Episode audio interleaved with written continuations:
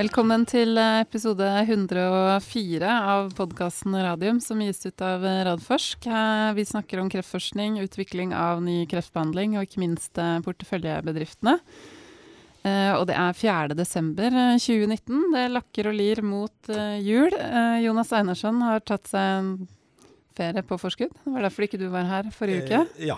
Ja. Det var en liten førjulsferie. Ja. Men jeg fikk jo da gleden av å høre på episode 103 på mm. podkasten. Og det var jo spennende med Ronny og Per fra PC Biotech, så det er, det er bra. Ja.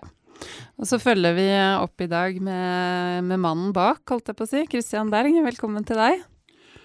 Takk skal du ha. Takk for invitasjonen. Ja, Veldig hyggelig å ha deg her. Eh, vi skal snakke mye mer med deg, men vi må ha vår faste Aktuelt skjedd siden siste spalte først. Eh, vi kan begynne med Nordic Nanovektor, som har eh, meldt eh, at de skal ha en poster på Æsj med prekliniske data på ja. betalutin. Eh, og så melder de det, og så går de ned på børsen, gitt. Men vi syns vel det var en fin melding. ja da, det er sånn det pleier å være, det. Det er eh, det er avhengig av hvordan du leser det. Det er prekliniske data. Vi får jo ikke selve dataene nå. Vi vet jo at dette dreier seg om at, at uh, diffus large B-cell lymfoma er en av de aller vanskeligste å behandle. Diffus sånn, eh, storcellet B-cellelymfom. Ja, er hun, norsk, hun, er, hun, er, sånn norsk oversetter for meg hver gang jeg sklir ut. Uh, og, og, det har de lyst til å prøve å finne og knekke koden uh, på det. Og bruker forskjellige typer cellelinjer som har forskjellige typer egenskaper og mutasjoner og andre ting for å se først og fremst hvor er det det egentlig virker dårlig, og hvorfor virker det dårlig. Og hvis de finner ut av det, kan man da kombinere med en annen type medisin som faktisk gjør noe med den mutasjonen, sånn kombinasjonen blir bra. Dette er, dette er preklinisk arbeid. Uh, som, som Kristian kan fortelle veldig mye om. Og da er det mye sånn å prøve og feile og finne, finne ut jo, jo mer du lærer, jo nærmere kommer en løsning på problemet. Mm. Det er de forhåpentligvis da. Så vi får se på øh, når Fåseren kommer. Ja, og så tenker jeg at det, Den kommer jo på Æsj, og det er jo den viktigste konferansen man har i verden innenfor hematologi. Ja. Og da er det jo interessante data. Det, da, da, mener de på den konferansen at dette er interessante data. Mm. Og det er, øh, det er, ikke alle som kommer igjennom, tror jeg Kristian kan bekrefte. at det, det, er, det er ikke alle som sender inn en poster som får den igjennom. Det er helt riktig. De fleste kommer ikke gjennom. Nei, Nei ikke sant. Det er et nåløye. Eh, og apropos postere, så melder også Ultimo Vakts i dag at de skal ha en posterpresentasjon i februar på Sitsi Clinical, hvis jeg husker riktig. Mm. Hva skal de presentere? Eh, det de skal presentere, er eh, langtidsoppfølging, fireårsoppfølging av pasienter fra den første studien de gjorde i føflekkreft med spredning som jo de gjorde samtidig som denne såkalte IPI4-studien ble gjort. Altså den første store oppfølgingsstudien med Iplomob, Zetla 4, eller Jervoi, så mm. bruker alle, alle uttrykkene. Uh, og de fikk være som en del av den IPI4-studien. Og det betyr at det, det var pasienter som fikk Jervoi kun som behandling. Og samtidig så var det noen pasienter, 18 hvis jeg husker riktig, som fikk Jervoi pluss vaksinen. På de samme sykehusene, med de samme legene, med de samme inklusjonskriteriene. Vi snakker de, de, kontrollarm her. Vi snakker ikke kontrollarm. Nei, fordi men, igjen, jeg, jeg, er styreleder der, så jeg kan ikke si det, men det er det nærmeste du kommer til en randomisert kontrollarm. Og det vi får se nå, er, er de resultatene, og så kan vi sammenligne de med eh, IP4-resultatene. Og så får vi håpe og tro at det, siden de har fått igjen lov til å legge det fram, at det er spennende resultater. Mm. Og du skal på den konferansen, ja. så da kan vi jo snakke mer om det når du kommer tilbake derfra i februar. Um, ellers så har uh, Fotokur um, blitt uh, presentert i en ålreit uh, artikkel på E24 i dag, hvor også du er intervjuet, ja. Uh, ser det ut som. Det, ja. det, det, er det, og, og, og, jeg lar meg sitere derpå på, og, og mener det, at det er nå flere enn kanskje den harde kjerne som det begynner å gå opp for at uh, Fotokur uh, ikke bare står foran, men er i ferd med å gjøre gjennombruddet sitt i, uh, i USA. Mm. Og, og, og, går mot den litt hårete målsettinga til Dan Schneider, der, at dette skal bli standard of care. Ikke bare i operasjonsstua, men for all oppfølging av pasienter som har fått og starta behandlingen av blærekreft. Så så jeg er ikke forundra over det, men jeg syns jo det er svært hyggelig. Ja, og det, børsen reagerer også veldig positivt. De hadde gått opp 11 hadde de ikke det, før vi gikk inn i studio i dag? Jo. Ja. Så det også er bra. Eh, siste vi kan si da, det er ikke noe som har skjedd siden sist, men som skal skje neste uke. For da er det jo DNB Healthcare på torsdag 12.12., hvor du og jeg skal ha seks podkaster. Det har jeg hørt rykter om. Ja. Jeg angrer når jeg sier det høyt. Men uh, i hvert fall så um, det er en samsending vi skal ha med DNB sin podkast Utbytte. Uh, og da vil vi gjerne ha inn en del spørsmål til de uh, selskapene som vi skal snakke med. Og det er da Targovax, Nordic Nanovektor, Ultimovax, PCI Biotech og Vaxibody. Så det er bare å sende spørsmål til meg Ja. på eka.radforsk.no. Så skal vi, vi får lade.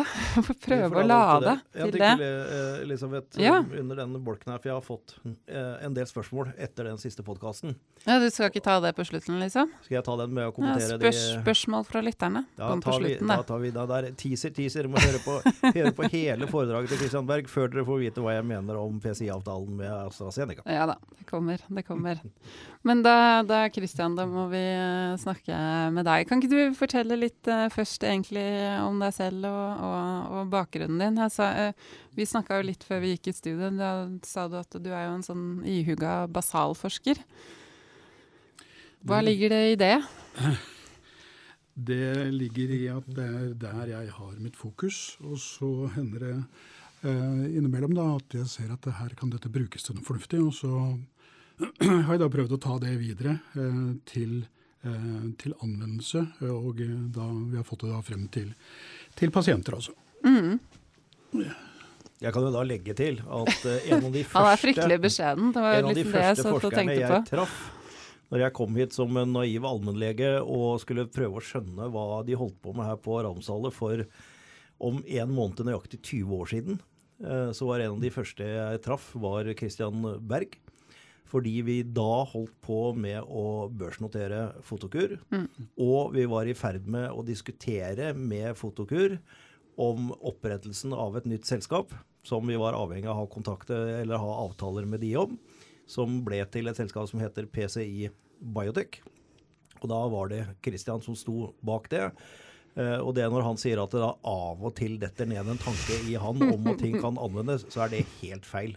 Det skjer relativt ofte. Men han har et veldig godt poeng med at det kommer av at han er sånn ihuga grunnforsker, Basalforsker. basalforsker, Ja. at de ideene dukker opp. Så det skal jeg gi deg.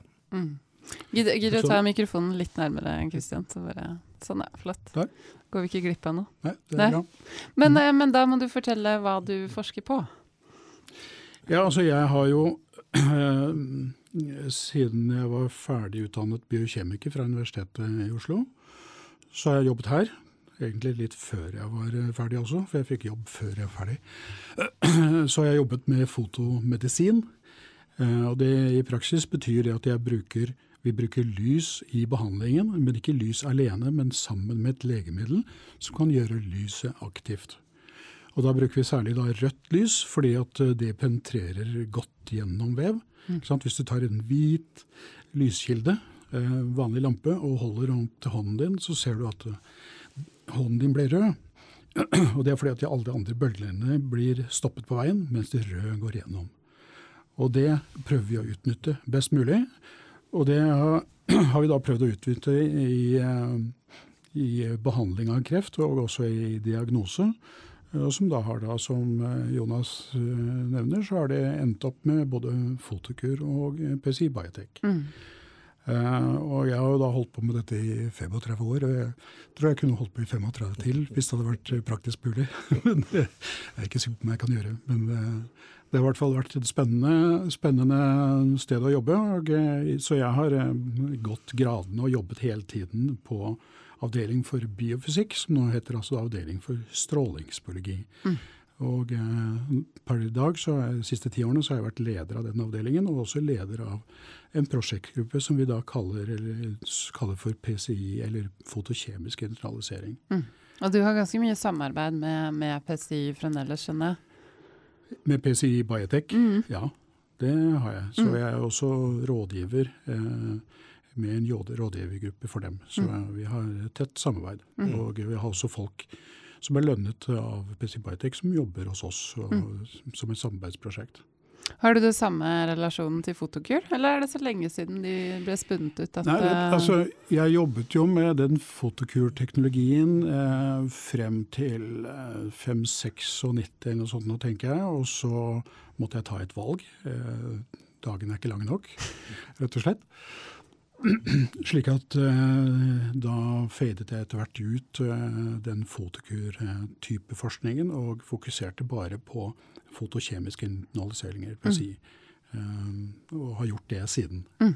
egentlig.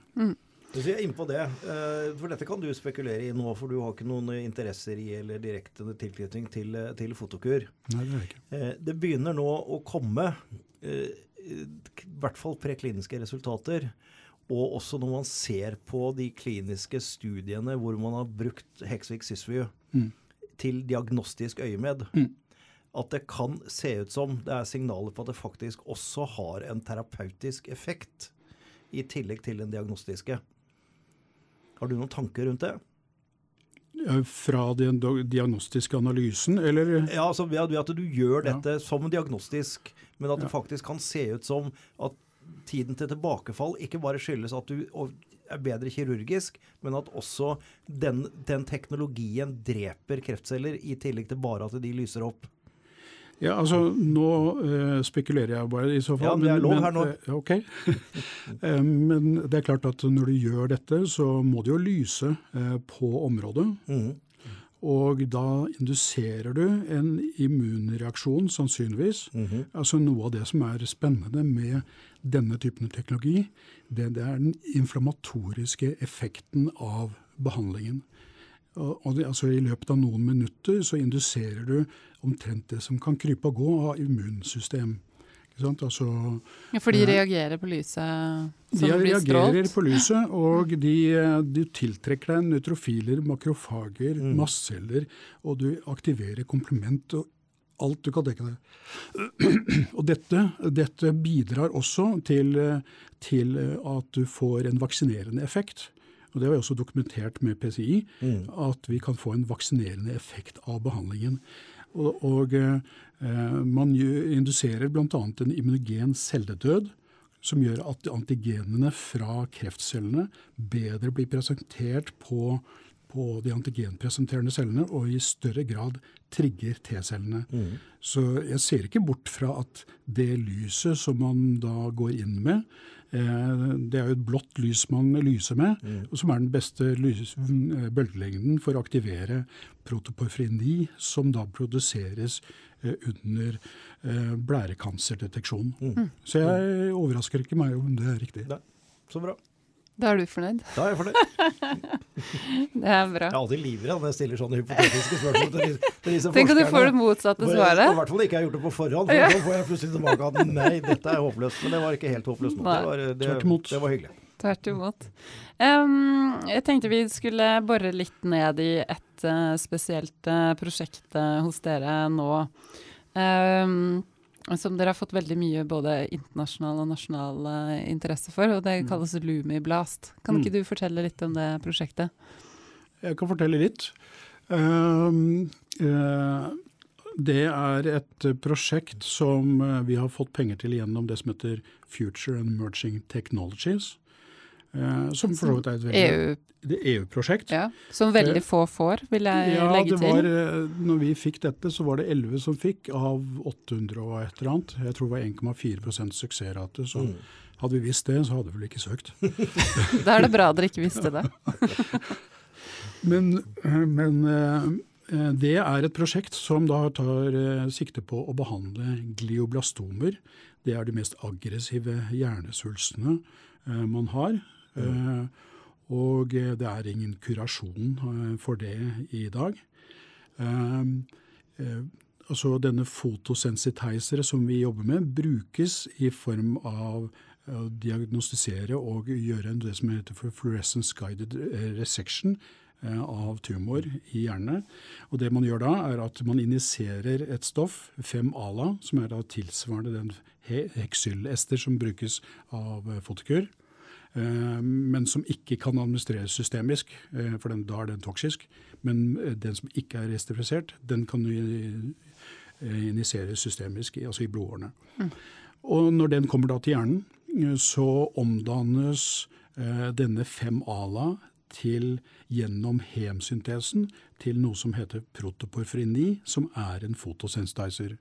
Det er et stoff som når du putter jern inn i midten av den, så heter det hem. Ja. Da har det ingen effekt. Sant? Men av forskjellige årsaker så hoper disse stoffene seg opp. Når du da åpner opp eh, hjernen og ser på, på tumor, så gjør kirurgen det eh, kirurgen skal, fjerner det eh, han eller hun ser. Og så etterpå så kan de gå på med blått lys, og da vil akkurat på samme måte som eh, Fotokur gjør i blærekancer, så vil da det som er resterende tumormateriale, som eh, kirurgen ikke ser, det vil lyse opp som røde flekker. Akkurat på samme måte som i Hexfix. Så kan du fjerne det, og så kommer du litt bedre ut. Eh, du får en lengre prog eh, progresjonsfri overlevelse. Eh, men du kan ikke kurere. Og grunnen til det er at i, i hjernen så er det ingen barrierer. Slik at eh, tumoren kan vokse opp fra der den oppsto, men i tillegg så eh, er det mange små celler som da penetrerer gjennom hjernevevet og eh, finner seg plass opptil 2-3 cm fra der du ser makroskopisk, som de sier, eh, tumor. Eh, Slik at det å, å fjerne det som kirurgen ser på toppen der, det hjelper, men det kurerer ikke. Eh, Men det har generert eh, ideer hos oss eh, på at vi kan finne andre måter å gjøre dette på. Og det å lyse, det har man også prøvd å gjøre, og har jobbet litt med nå også. Stummer som fikk denne, denne typen teknologi godkjent i Tyskland, han gjør nå studier hvor han også etterpå belyser, fordi disse PP9 eller, som da dannes, de kan jo da reagere med lys og danne reaktive oksygenforbindelser, som, eh, som er liksom eh, hovedprodukt eh, som kan drepe cellene. Og Så kan du bestråle dette med, med lys, og så kommer du noen millimeter ned, dypere ned. Men bare noen få millimeter, ikke centimeter. Så kanskje det kan hjelpe enda litt mer, men jeg er helt sikker på, og det er ingen som forventer noe annet heller, at dette ikke vil kunne kurere noen. Så tanken bak dette prosjektet er å lage lyset inni kreftcellene, rett og slett. Og da, eh, da kan vi bruke stoffer som kan komme inn i kreftcellene overalt. Eh, og de vil kunne lage eh, lyset inni der. Og så må vi da ha i tillegg en sånn en type fotosensitizer som også går inn i de cellene. Eh, og sammen så vil de danne eh, lys og reaktive oksygenforbindelser i hver av kreftcellene. Og disse fotosensitizerne de er veldig spesifikke for tumor, særlig i hjernen. Og det kan være altså type 30 til 1, spesielt i hjernesvulster, eh, mellom kreftcellene og normalcellene. Derfor kan du altså få en spesifikk effekt på hver enkelt tumorcelle i hjernen. Det er det vi håper på, da. Spennende. Ja, det er kjempespennende. Hvor, hvor langt har dere kommet med dette prosjektet? Ja, vi har jo holdt på med en liten stund nå, og nå har vi altså kommet så langt at vi har proof of concept, som vi, vi sier, og skal begynne med dyrestudier på dette. Mm.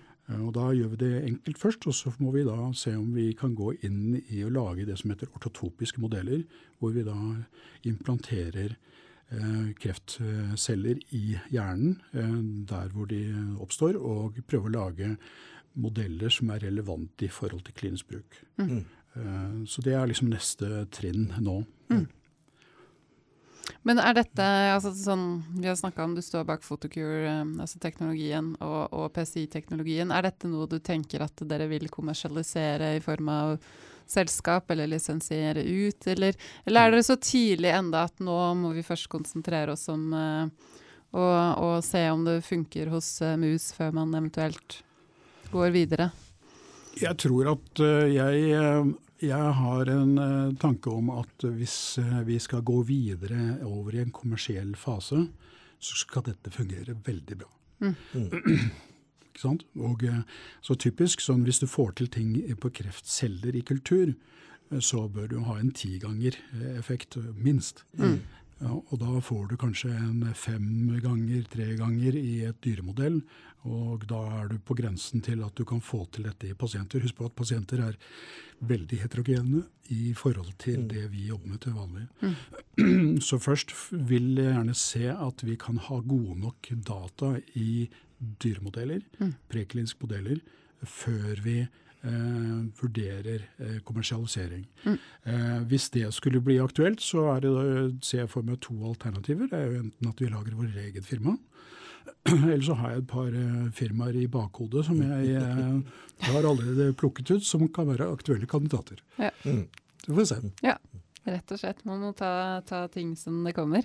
Um, er det noe annen forskning dere holder på med som du kan fortelle, fortelle oss om? Ja, altså vi eh, eh, I tillegg til det som PCI Biotech jobber med, så er det jo slik at eh, altså, eh, vi har holdt på i ti år å skrine for type molekyler, molekylstrukturer, som kan brukes i PCI-teknologien. Mm.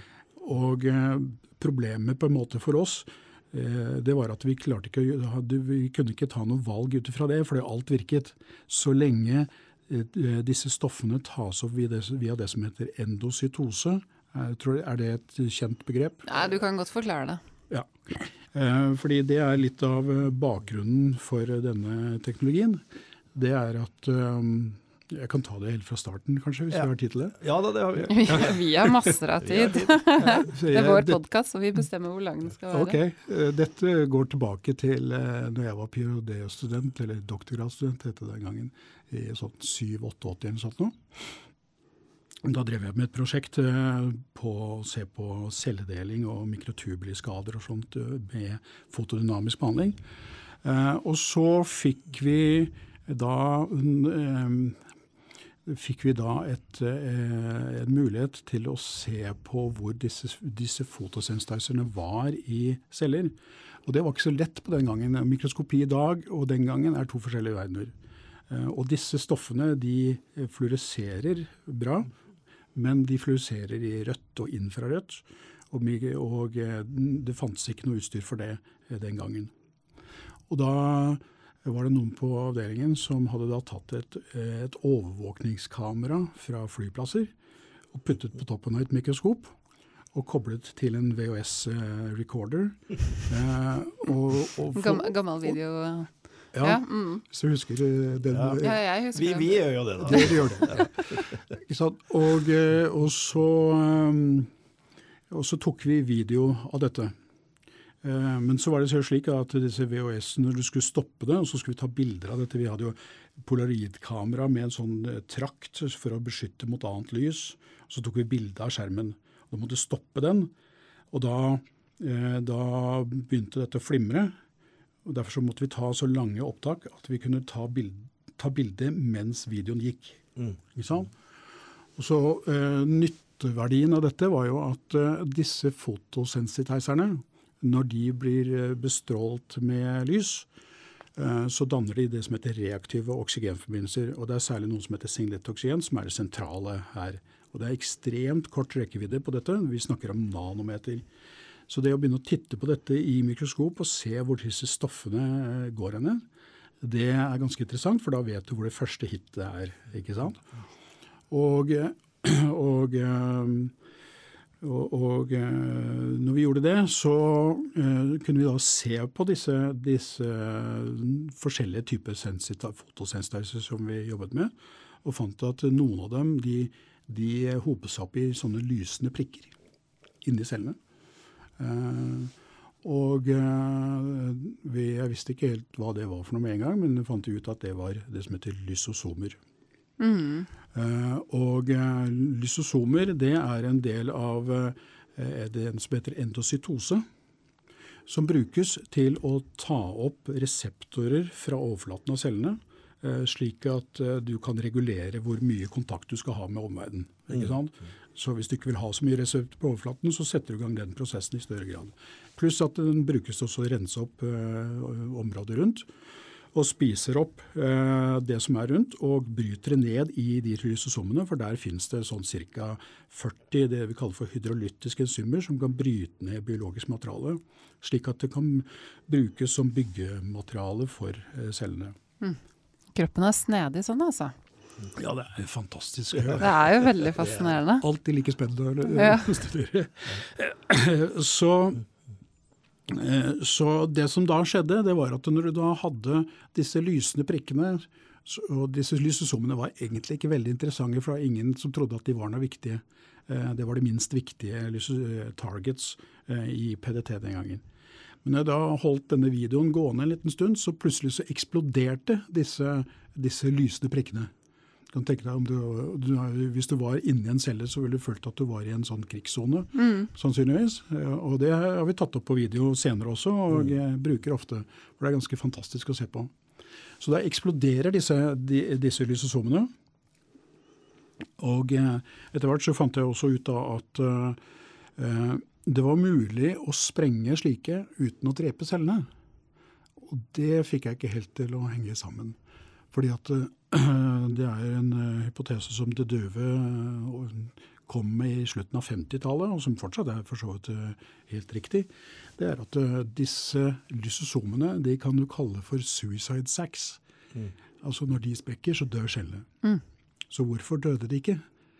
og da begynte jeg å se litt på hvordan dette kunne skje, og hvorfor de ikke døde og fant eh, litt forklaringer på det. Eh, blant annet så er det de enzymene som er viktige for å drepe cellene når disse sprekker, de blir, eh, er veldig sensitive for disse reaktive oksygenforbindelsene. I tillegg så er det beskyttelsesmekanismer i cellene. Hvis en lysosom eller tre skulle sprekke, så er det proteiner i cytosol, som det heter, altså utenfor lysosomene, som kan gripe fatt i i hvert fall noen av disse. Pluss at den behandlingen vi gjør, de sprekker ikke alt. Det er bare avhengig av dose, selvfølgelig, men med små doser så sprekker bare noen av dem. Så da viste det at det var altså faktisk mulig å sprekke disse lysosomene uten å drepe celler. Mm. Og så var jeg da på et foredrag med Kirsten Sandvik i, på instituttet. Og hun fortalte om disse eh, proteintoksinene som de jobber med. Risin har dere kanskje hørt om. Mm. Det er sånn som, Veldig giftig, er det ikke det? Det er noe sånt som noen sender i konvolutter til folk de ikke ja. skal leve lenger. Så det er ganske skumle. Eh, og hun pratet om disse og eh, fortalte at det var jo bare en liten prosentandel av de som kom inn i det som heter cytosol, altså utenfor lysosomene. Men det var nok til å drepe cellene. Og de er ekstremt toksiske. Så det, det, er faktisk slik at du trenger ikke mer enn ti molekyler inni en celle før cellen dør. Mm. Men selv disse så var det bare altså, størrelsen, jeg husker ikke helt, 90 eh, eller noe sånt, nå, 95% som ble igjen i lysosomene, bare de 5 eh, eh, resterende som kom inn i cytosol. Så tenkte jeg kanskje jeg kunne hjelpe til å få, dette, få disse toksinene enda mer effektivt inn. Så da diskuterer vi dette, og hun kom opp med forslag med noe som heter gelonin. Mm. Som er et eh, tilsvarende proteintoksin, men som ikke kommer inn i det hele tatt i, i cytosol, og er i utgangspunktet ikke toksisk. Men når det kommer inn i cytosol, så er det veldig toksisk. Og dette er fra noen frø som finnes i Himalaya bl.a., men, eh, men, men ekstremt effektive. Så de har vi jobbet med etterpå. Og de var jo så toksiske så når vi skulle prøve på dette her. og Så, så prøvde vi liksom å bruke disse fotosensitizerne alene, toksinene, gelonin alene, og i kombinasjon og med lys. Og da, eh, De som da fikk begge alle sammen, de døde jo alle sammen. Men de som også hadde bare fått fotosensitizer og gelonin uten lys, de også døde, veldig mange av dem. Og etter å ha sett litt nøyere på det, så fant jeg ut at det var en, det var en eh, sterilbenk ved siden av der, eh, inne i det mørke rommet vi holdt til, eh, som ga fra seg litt lys. Og det lille lyset derfra var nok til å drepe cellene bare på vei inn i inkubatoren. Så da begynte jeg å skjønne at dette, dette er potensielt eh, interessant. må vi kunne si. Så da måtte vi bare tune ned mengden av disse. Og så Uh, fikk vi dette til å fungere veldig bra, slik at det var bare når vi hadde gitt det lyset fra den lampen vi hadde, at dette virket. Så det var, det var, på en måte starten av dette prosjektet, og det var jo utrolig interessant. Eh, underveis, så når vi begynte å se at det her kunne brukes og kanskje ha en klinisk potensial, så utviklet vi først et fotosensitizer photosensitizer uh, som kunne ha klinisk, være klinisk bruk. Og det er noe som heter Amfidex. Mm. Det, det, var det jeg kalte det en gang i tiden, men nå har myndigheter bestemt at det skal hete Fimaporfin. Så det er den kombinasjonen som heter Amfidex nå. Men, mm. Sånn er det. Mm. men så måtte vi også ha et legemiddel vi kunne levere inn. Og disse toksinene var jo fantastiske, men Eh, det er langt lerret å bleke for å få de ut i klinisk praksis. Mm. Så jeg lette gjennom eh, felleskataloger og andre, eh, andre kilder for å finne ut hvilke legemidler som ikke virket så godt, men som kanskje kunne ha et potensial. Og fant først frem til bleomycin. Mm. Uh, og det viste seg når du leter litt, at det var god grunn til å tro at disse delvis ble tatt opp via endocytose. Uh, og det viste seg å være riktig. og det var jo da etter hvert grunnlaget for den første kliniske studien. Eh, jeg mener jo fortsatt at geronin er et fantastisk stoff. Og vi har etablert nå en produksjonsenhet for rekombinante immunotoksiner hos oss. Eh, til sånn semi-stor skala. Sånn type 15 liter med bakterier som da gror og danner disse Eh, kombinasjoner av gelonin og et målsøkende molekyl. Og kommet et godt stykke på vei med det. Og eh, det jobber vi fortsatt med. Mm. Og det, jeg har tro på at vi skal få det til å komme til klinisk bruk en gang i, i fremtiden. Så spennende. I tillegg så jobber vi med, med nanoteknologi mm. veldig mye. Og eh, det er veldig mange rundt i verden som jobber med PCI og nanoteknologi. Og det er nok litt av problemet er at nanoteknologi er store molekyler. Alle store molekyler har problemer med å komme inn i cellene. Mm. Og da har de, mange funnet ut at eh, PCI kan være interessant. Yeah. Og det gjør vi også. Mm. Og vi har også i den sammenhengen også et EU-prosjekt eh, e som en annen gruppe i i Gent i, i Belgia jobber med, eh, på nanovaksiner mm. i den sammenheng. Så jobber vi med behandlingsresistens.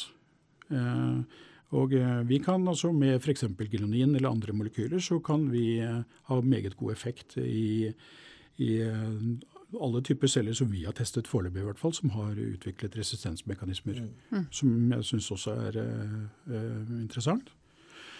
Uh, vi har mange, enda flere prosjekter. Vi, altså, denne typen teknologi har effekt både på tumorcellene, men også på blodårecellene.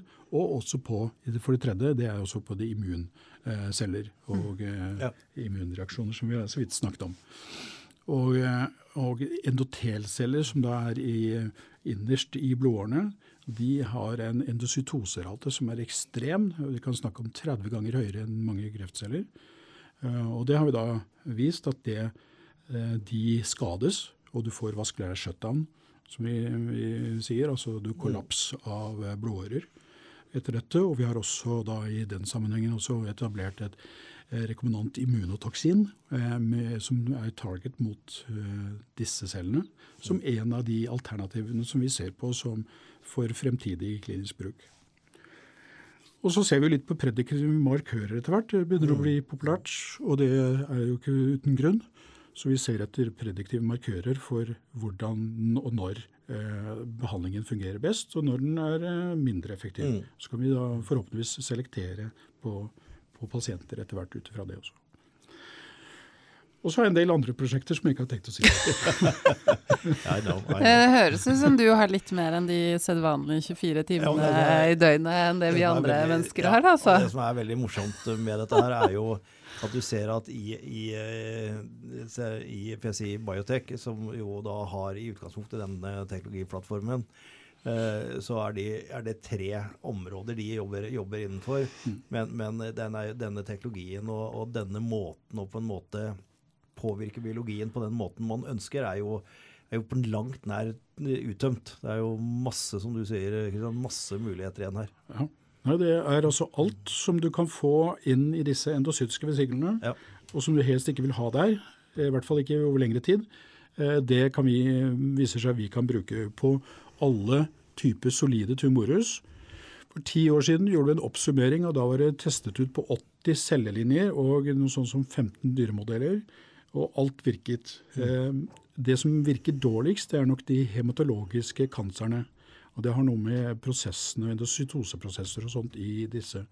Eh, Vi har ikke gått mer i detalj på det, fordi at det er så mye å ta av fra før. Ja, og så er Ja, og så er det jo dekka opp liksom av CAR-10 og Ja da. Ja, og så er det det dette, dette med å, å lyse også. Altså det er jo I hematologiske tumorer, så hvor, hvor skal du lyse? Sette Fotoforese. Ja, jeg har satt også en, brukerfotoforese. bruker fotoforese. Ja. Og, og nesten som, det er nesten som å legge pasienten i en dia- dialysemaskin. Så går, ja. går, går blodet igjennom og blir belyst eh, Ja, ja. der. Jeg syns det er en besnærende tanke. altså. Ja, det er veldig interessant. Ja. Men det får bli får bli til et annet får bli liv. det står. Men du bare snakke litt, for at du sier jo at du er jo basalforsker, altså grunnforsker. Men, Mm. Men, men eh, de tingene du gjør, sånn som med da Photocure, sånn altså potensielle eller kommer, kommende gjennombrudd, kan vi vel si, da, i USA. Altså med den metodikken da, som du har vært med på å utvikle, som Mm. betyr en så stor forskjell for pasienter. Hvordan har du og, og kollegaene dine med dere det liksom i dagliglivet på instituttet? Så det er klart det ligger jo bak som en viktig Mm. element i hva vi gjør. Eh, nå har jeg jo hatt det bak i hodet siden vi startet med dette på tidlig 90-tallet. fordi eh, da, eh, allerede da så kom jo denne Metvix for hudkancer, altså Mm. ikke-melanom-type hudkancer, i, på banen. eh, med Trond Warlo og, og eh, Kalle Gjerski blant annet, Mm. og mange andre som utviklet dette. Og vi var jo med i den miljøet, så slik at eh, det å komme inn i det at man skal utvikle dette for klinikk, det ble jo en del av hverdagen, på en Mm. måte. Eh, Men jeg må jo si jeg tenker jo, sånn som med PCI også, så hadde jeg som et mål at når jeg hadde da fått vært med så lenge at eh, den første pasienten var behandlet og hadde en god effekt, da hadde jeg nådd mitt mål. Ja. Det er Mm. ti år siden det nå. Det. Ikke sant?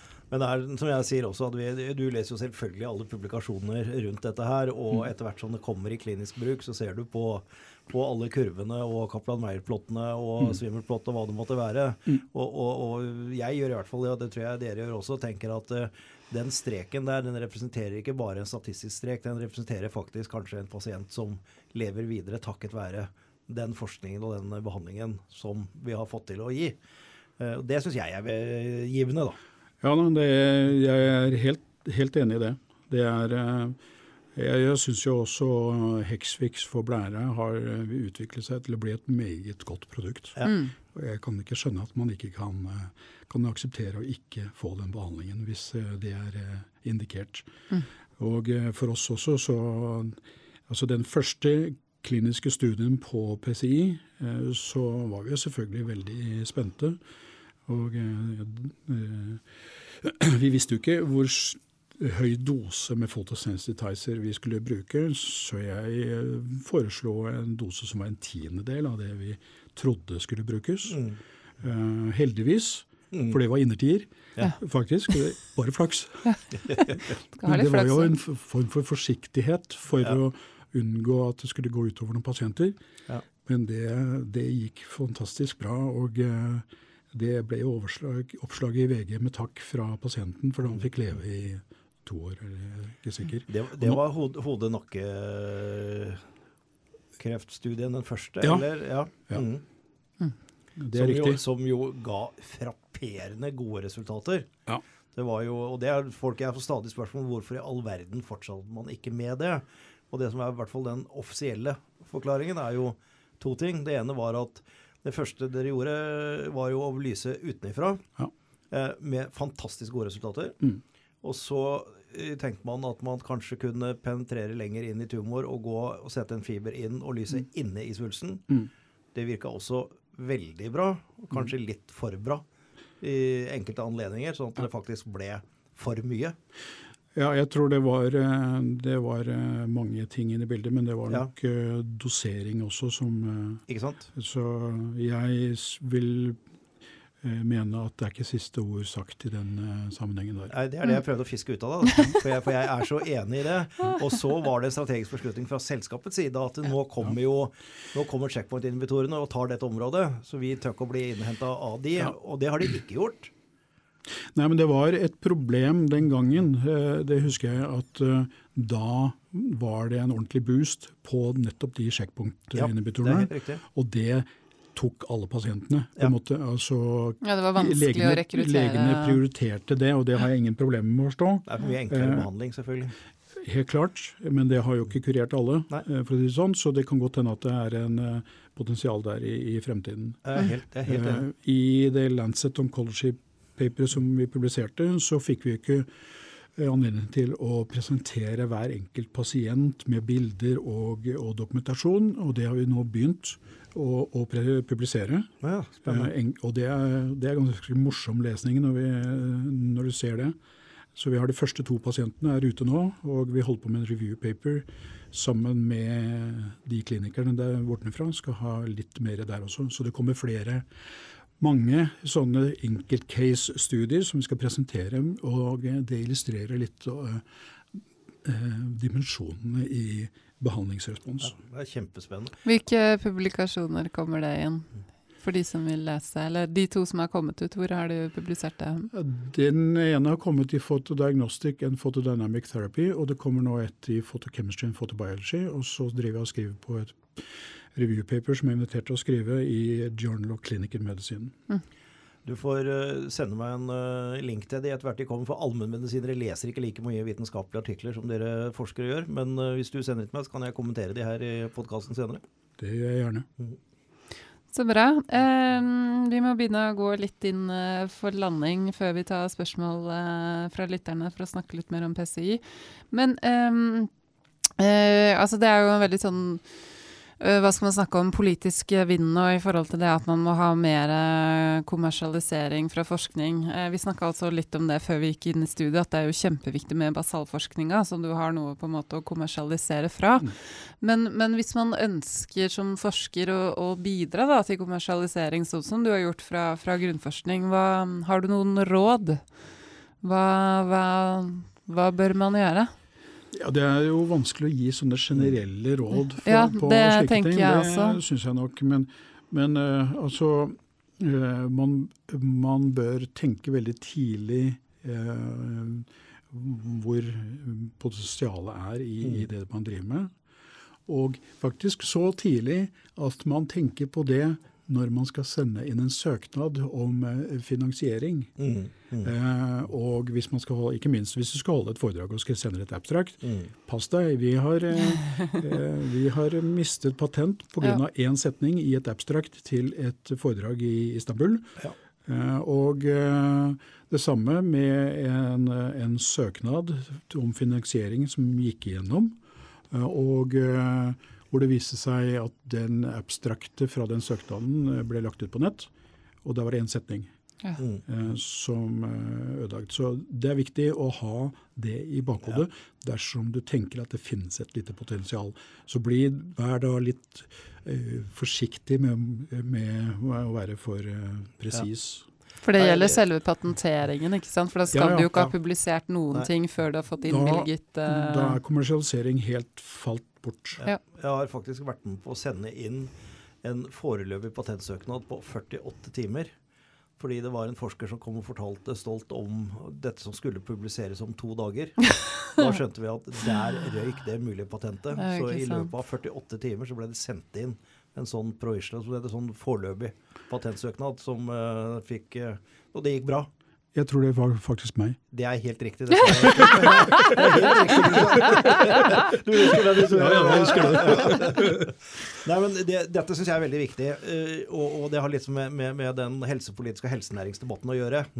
Fordi det jeg savner, det er at denne kompetansen om å tenke når ting skal publiseres, er det noe vi burde ha beskytta her? Er det noe vi Mm. burde tenkt på? Vi kan ikke forvente at ny, i hvert fall nye forskere og unge forskere klarer å tenke å ha den kompetansen som Kristian har på dette, og tenker dette. Nei, for det er erfaringsbasert. den kompetansen burde være inne på institusjonen, inne på instituttet, ikke utenfor. Den bør være der. og Det er jo det vi, sånn vi har jobba sammen i alle år. Både, både med deg og din gruppe og mange andre. At dere stadig kommer og forteller nei, nå jobber vi med det, og dette er spennende. Tror dere dette kan komme til å bli noe i fremtiden? Så vi, ja, her må vi være litt ekstra på vakt i forhold til patentering. Så det må være interaksjon der, tenker jeg. Ja, det kan også tyde på at man kanskje bør eh, undervise litt de som gir midler.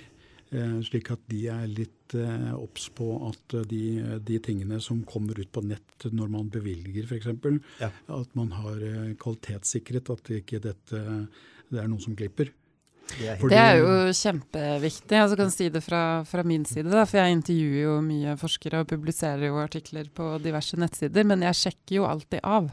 For det er jo Mm. et eller annet med det at uh, ja, det kan være Mm. sensitive ting, eller man kan skrive ting feil som gjør at du får følgefeil. Så det, akkurat den avsjekken der, men det trodde jeg jo virkelig de gjorde i Forskningsrådet og andre instanser som bevilger penger. Det er ikke helt eh, vanntett. Nei, nei. Det er nei. ikke det. Da- I, I tillegg så tror jeg det er viktig at eh, når man, eh, hvis man tenker at dette kan være interessant, så må man være realistisk og eh, tenke er dette virkelig spektakulært? Mm. Ja. Da vil jeg vurdere det. Mm. Får du en 30-40% økning i en eller annen effekt, så er det interessant nok for å publisere, men det er ikke tilstrekkelig, vanligvis etter min mening, da, eh, for å, å gå videre med kommersialisering. Mm. Eh, Så du, så du tenker liksom å være litt edruelig i forhold til Ja. den effekten du ser, at det skal virkelig være en, en virkelig stor effekt? Ja, fordi at det du, vi ser eksperimentelt og preklinisk, det skal da konverteres over til en pasient, og, og da er variasjonsbredden enorm. Ja. Og skal du få nok effekt til at dette skal bli statistisk signifikant i fremtiden, så må det virkelig være noe som slår til. Mm.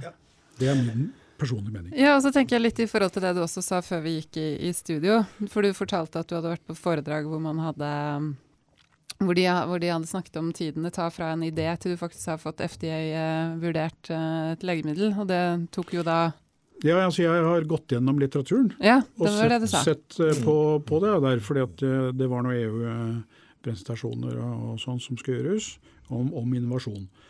Og eh, jeg ble litt overrasket selv, men når jeg tenker tilbake, så var det egentlig riktig. Altså, det tar faktisk fra proof of concept i snitt til eh, da, Dette er fra USA, eh, altså FDA-godkjent legemiddel, i snitt 40 år.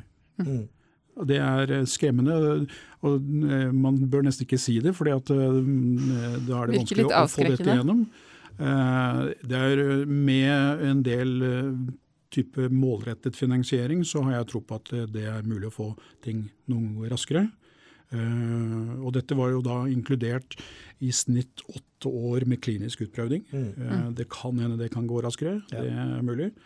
Uh, Men det er viktig i forhold til å, å de som gir midler, og, og forstå at det faktisk tar tid fra proof of concept eh, til og med til klinisk bruk. Mm. Eh, Men det har jo generert da veldig viktige typer nye legemidler, sånn som f.eks. antistoff, Mm. eh, som da startet på en måte med hybridomteknologien i 74, og som har resultert i den første antistoff, Retuximab, i i 899. Og etterpå det så er det da videreutviklet til humanisert og humane antistoff, som er det optimale type antistoff. Det har tatt lang tid. Eh, Det er andre eksempler, også genterapi. Eh, Første kliniske studie i genterapi var jo i 1990. Og det er først nå de siste par årene at dette har gått gjennom. Mm. Og du har også noen eh, Ja, eksempler. Ku- Kulis toksiner. Ja. Eh, som var, var på en måte første immunterapi, selv om han ikke var forsker, men, men kliniker. Nå husker ikke jeg helt, men vi er på slutten av 1800-tallet. Når, eh, Ja, med disse bakterier. ja, med disse Ja, toksinene. når han gjorde de observasjonene. ja, ja, ja. Ja. Og, og, og begynte å behandle pasienter Mm. Mm. med, med, med, med giftige stoffer, altså med toksiner, eh, for å få en immunsvar og, Og, og han var innpå det, han. Men, men, han var jo ikke noen forsker, så han bare testa ut litt, på pasienter her og der. Så det ble, det ble jo ikke noe av det den gangen. Men det, var, det regnes som forløperen eh, og kanskje far til immunterapi-tankegangen. At han mm. er det, og det er det var da relativt lenge siden. Ja. Snakker godt over 100 år. Ja. Mm. Så bra. Du, da tror jeg vi må ta spørsmål fra lytterne, for vi prater oss eh, helt borti i dag. For det er jo så altså. mye, mye spennende her. Eh, vi har jo da fått inn noen spørsmål på PCI eh, selvfølgelig om den avtalen med AstraZeneca som de kom ut med forrige uke. Og spørsmålet er da hvordan vurderer Jonas, bare deg, sannsynligheten for en avtale med AstraZeneca? Er den over eller under 50 jeg mener den er absolutt over 50 ja. Jeg har, flere, flere, har du lyst til å spekulere på prosent her, eller vil du heller uh, Nei, jeg skal ikke gjøre det, men, men uh, når vi liksom når, når vi hvis vi skal utvikle et kreftlegemiddel og sier at vi er kommet så langt som at vi er over 50% i likelihood of approval, altså muligheten for uh, at den blir godkjent, så har vi kommet langt. Jeg tror det ligger atskillig høyere enn det, men jeg skal ikke spekulere akkurat i prosenten. Men grunnen til at jeg sier det, er at dette her er altså et samarbeid som har vart i fire år. Det er siden 2015. Kristian uh, kan ikke si så mye om dette, men han kan nikke eller riste Christian, på hodet. Kristian kan ikke si så mye, for han jobber litt med dette, så han ja. må holde Jeg ser en annen vei ennå. Ja. uh, men det jeg vet, uh, for det har Per sagt, at de brukte en god del av den tiden på cellelinjer uh, før de fikk flyttet seg over i, i dyreforsøka. Uh, det er viktig å gjøre det, men du får egentlig ikke noe data du kan mene noe særlig om før du kommer over i, i dyremodellene. Uh, og det har de da jobbet med en stund nå. Så har jo dette vært liksom den, det store ubesvarte spørsmålet hvem i all verden er denne anonyme eh, topp ti farma? For det vil de gjerne være når de driver og, og leker i et tidlig, tidlig, stadium. For de vil ikke signalisere overfor konkurrentene sine hvilket område de er interessert i. Eh, så kommer man da til et, til et skritt hvor, hvor, hvor, PCI Biotech sier at nå er tiden moden for at eh, hvis vi skal fortsette med dette nå, og ikke gå til andre og jobbe med det, så må vi, må dere, må vi fortelle at det er dere, AstraZeneca, vi har jobbet sammen med. Og AstraZeneca går da med på det. Det er, det er punkt én. Da, mm. da, er dette viktig for AstraZeneca. Det neste er at de sier at de skal undersøke om disse resultatene de har fått innen onkologi, også kan få anvendelse innenfor andre sykdomsområder. Og Det er i seg selv spennende og kunne vært en spennende melding, men så skal det gjøres på veldig kort tid. Kjempekort tid? Fire uker eller noe sånt? Var det ja, det, eller seks ut, uker ut året. Eh, ut året. Ut året. Ja. Og så har de gitt seg selv en frist på et halvt år til å enten avslutte samarbeidet eller ta det fra en ren forskningsavtale som det er i dag, til en kommersiell avtale. Ja. Og da tror jeg det er svært sannsynlig at det kommer en kommersiell avtale i løpet av de seks månedene. Så kan man spekulere i hvilken type avtale vil det bli. Vil det være at AstraZeneca ønsker den delen av teknologiplattformen, mm. altså Fimanak-plattformen, mm. innenfor visse indikasjoner, eller det hele? Dette blir jo veldig mye diskusjoner rundt tall og upfront og ikke upfront og, og disse tingene her. Men det jeg syns er spennende, det er at de sier at de vil se på anmeldelsesformen i andre sykdommer. Og da må det være innen områder AstraZeneca er interessert i. Ja. Enten er store på, eller strategisk satser på videre. Har strategisk satsing på. Ja. Og det er helt klart at diabetes er en av de områdene. Mm.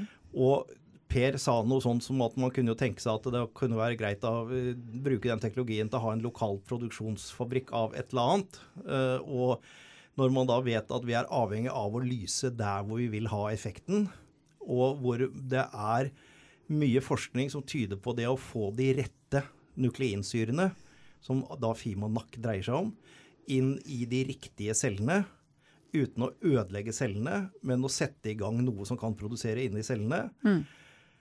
så tenker jeg pankras, og jeg tenker sukkersyke, diabetes, og jeg tenker at dette kan kanskje brukes til å få nukleinsyrer inn i de rette type uh, celler. Altså, jeg spekulerer vilt og uhemma nå, bare så det er helt klart, men, men jeg syns det er så spennende. Fordi vi vet at vi kan ikke gjøre noe med betacellene.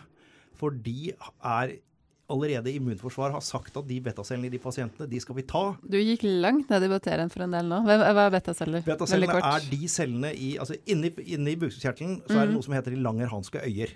Og det er egentlig små, små, små kjertler som mm. produserer bl.a. insulin og glukagon. Og så hvis type, du har di diabetes, så er det noe gærent der? Da, ja, det er noe gærent der. Ja. Eh, fordi du får ikke produsert insulin fordi mm. immunforsvaret faktisk har av en eller annen grunn angriper de cellene som produserer insulin, men de angriper ikke de som produserer glukagon. Og det er det som heter alfaceller. Og jeg fant én artikkel, og én vill spekulasjon, men det var en artikkel som, som sa følgende Hvis vi hadde klart å omprogrammere alfacellene fra å produsere glukagon til insulin, så vil høyst sannsynlig ikke immunforsvaret ha noe imot at alfacellene gjør det.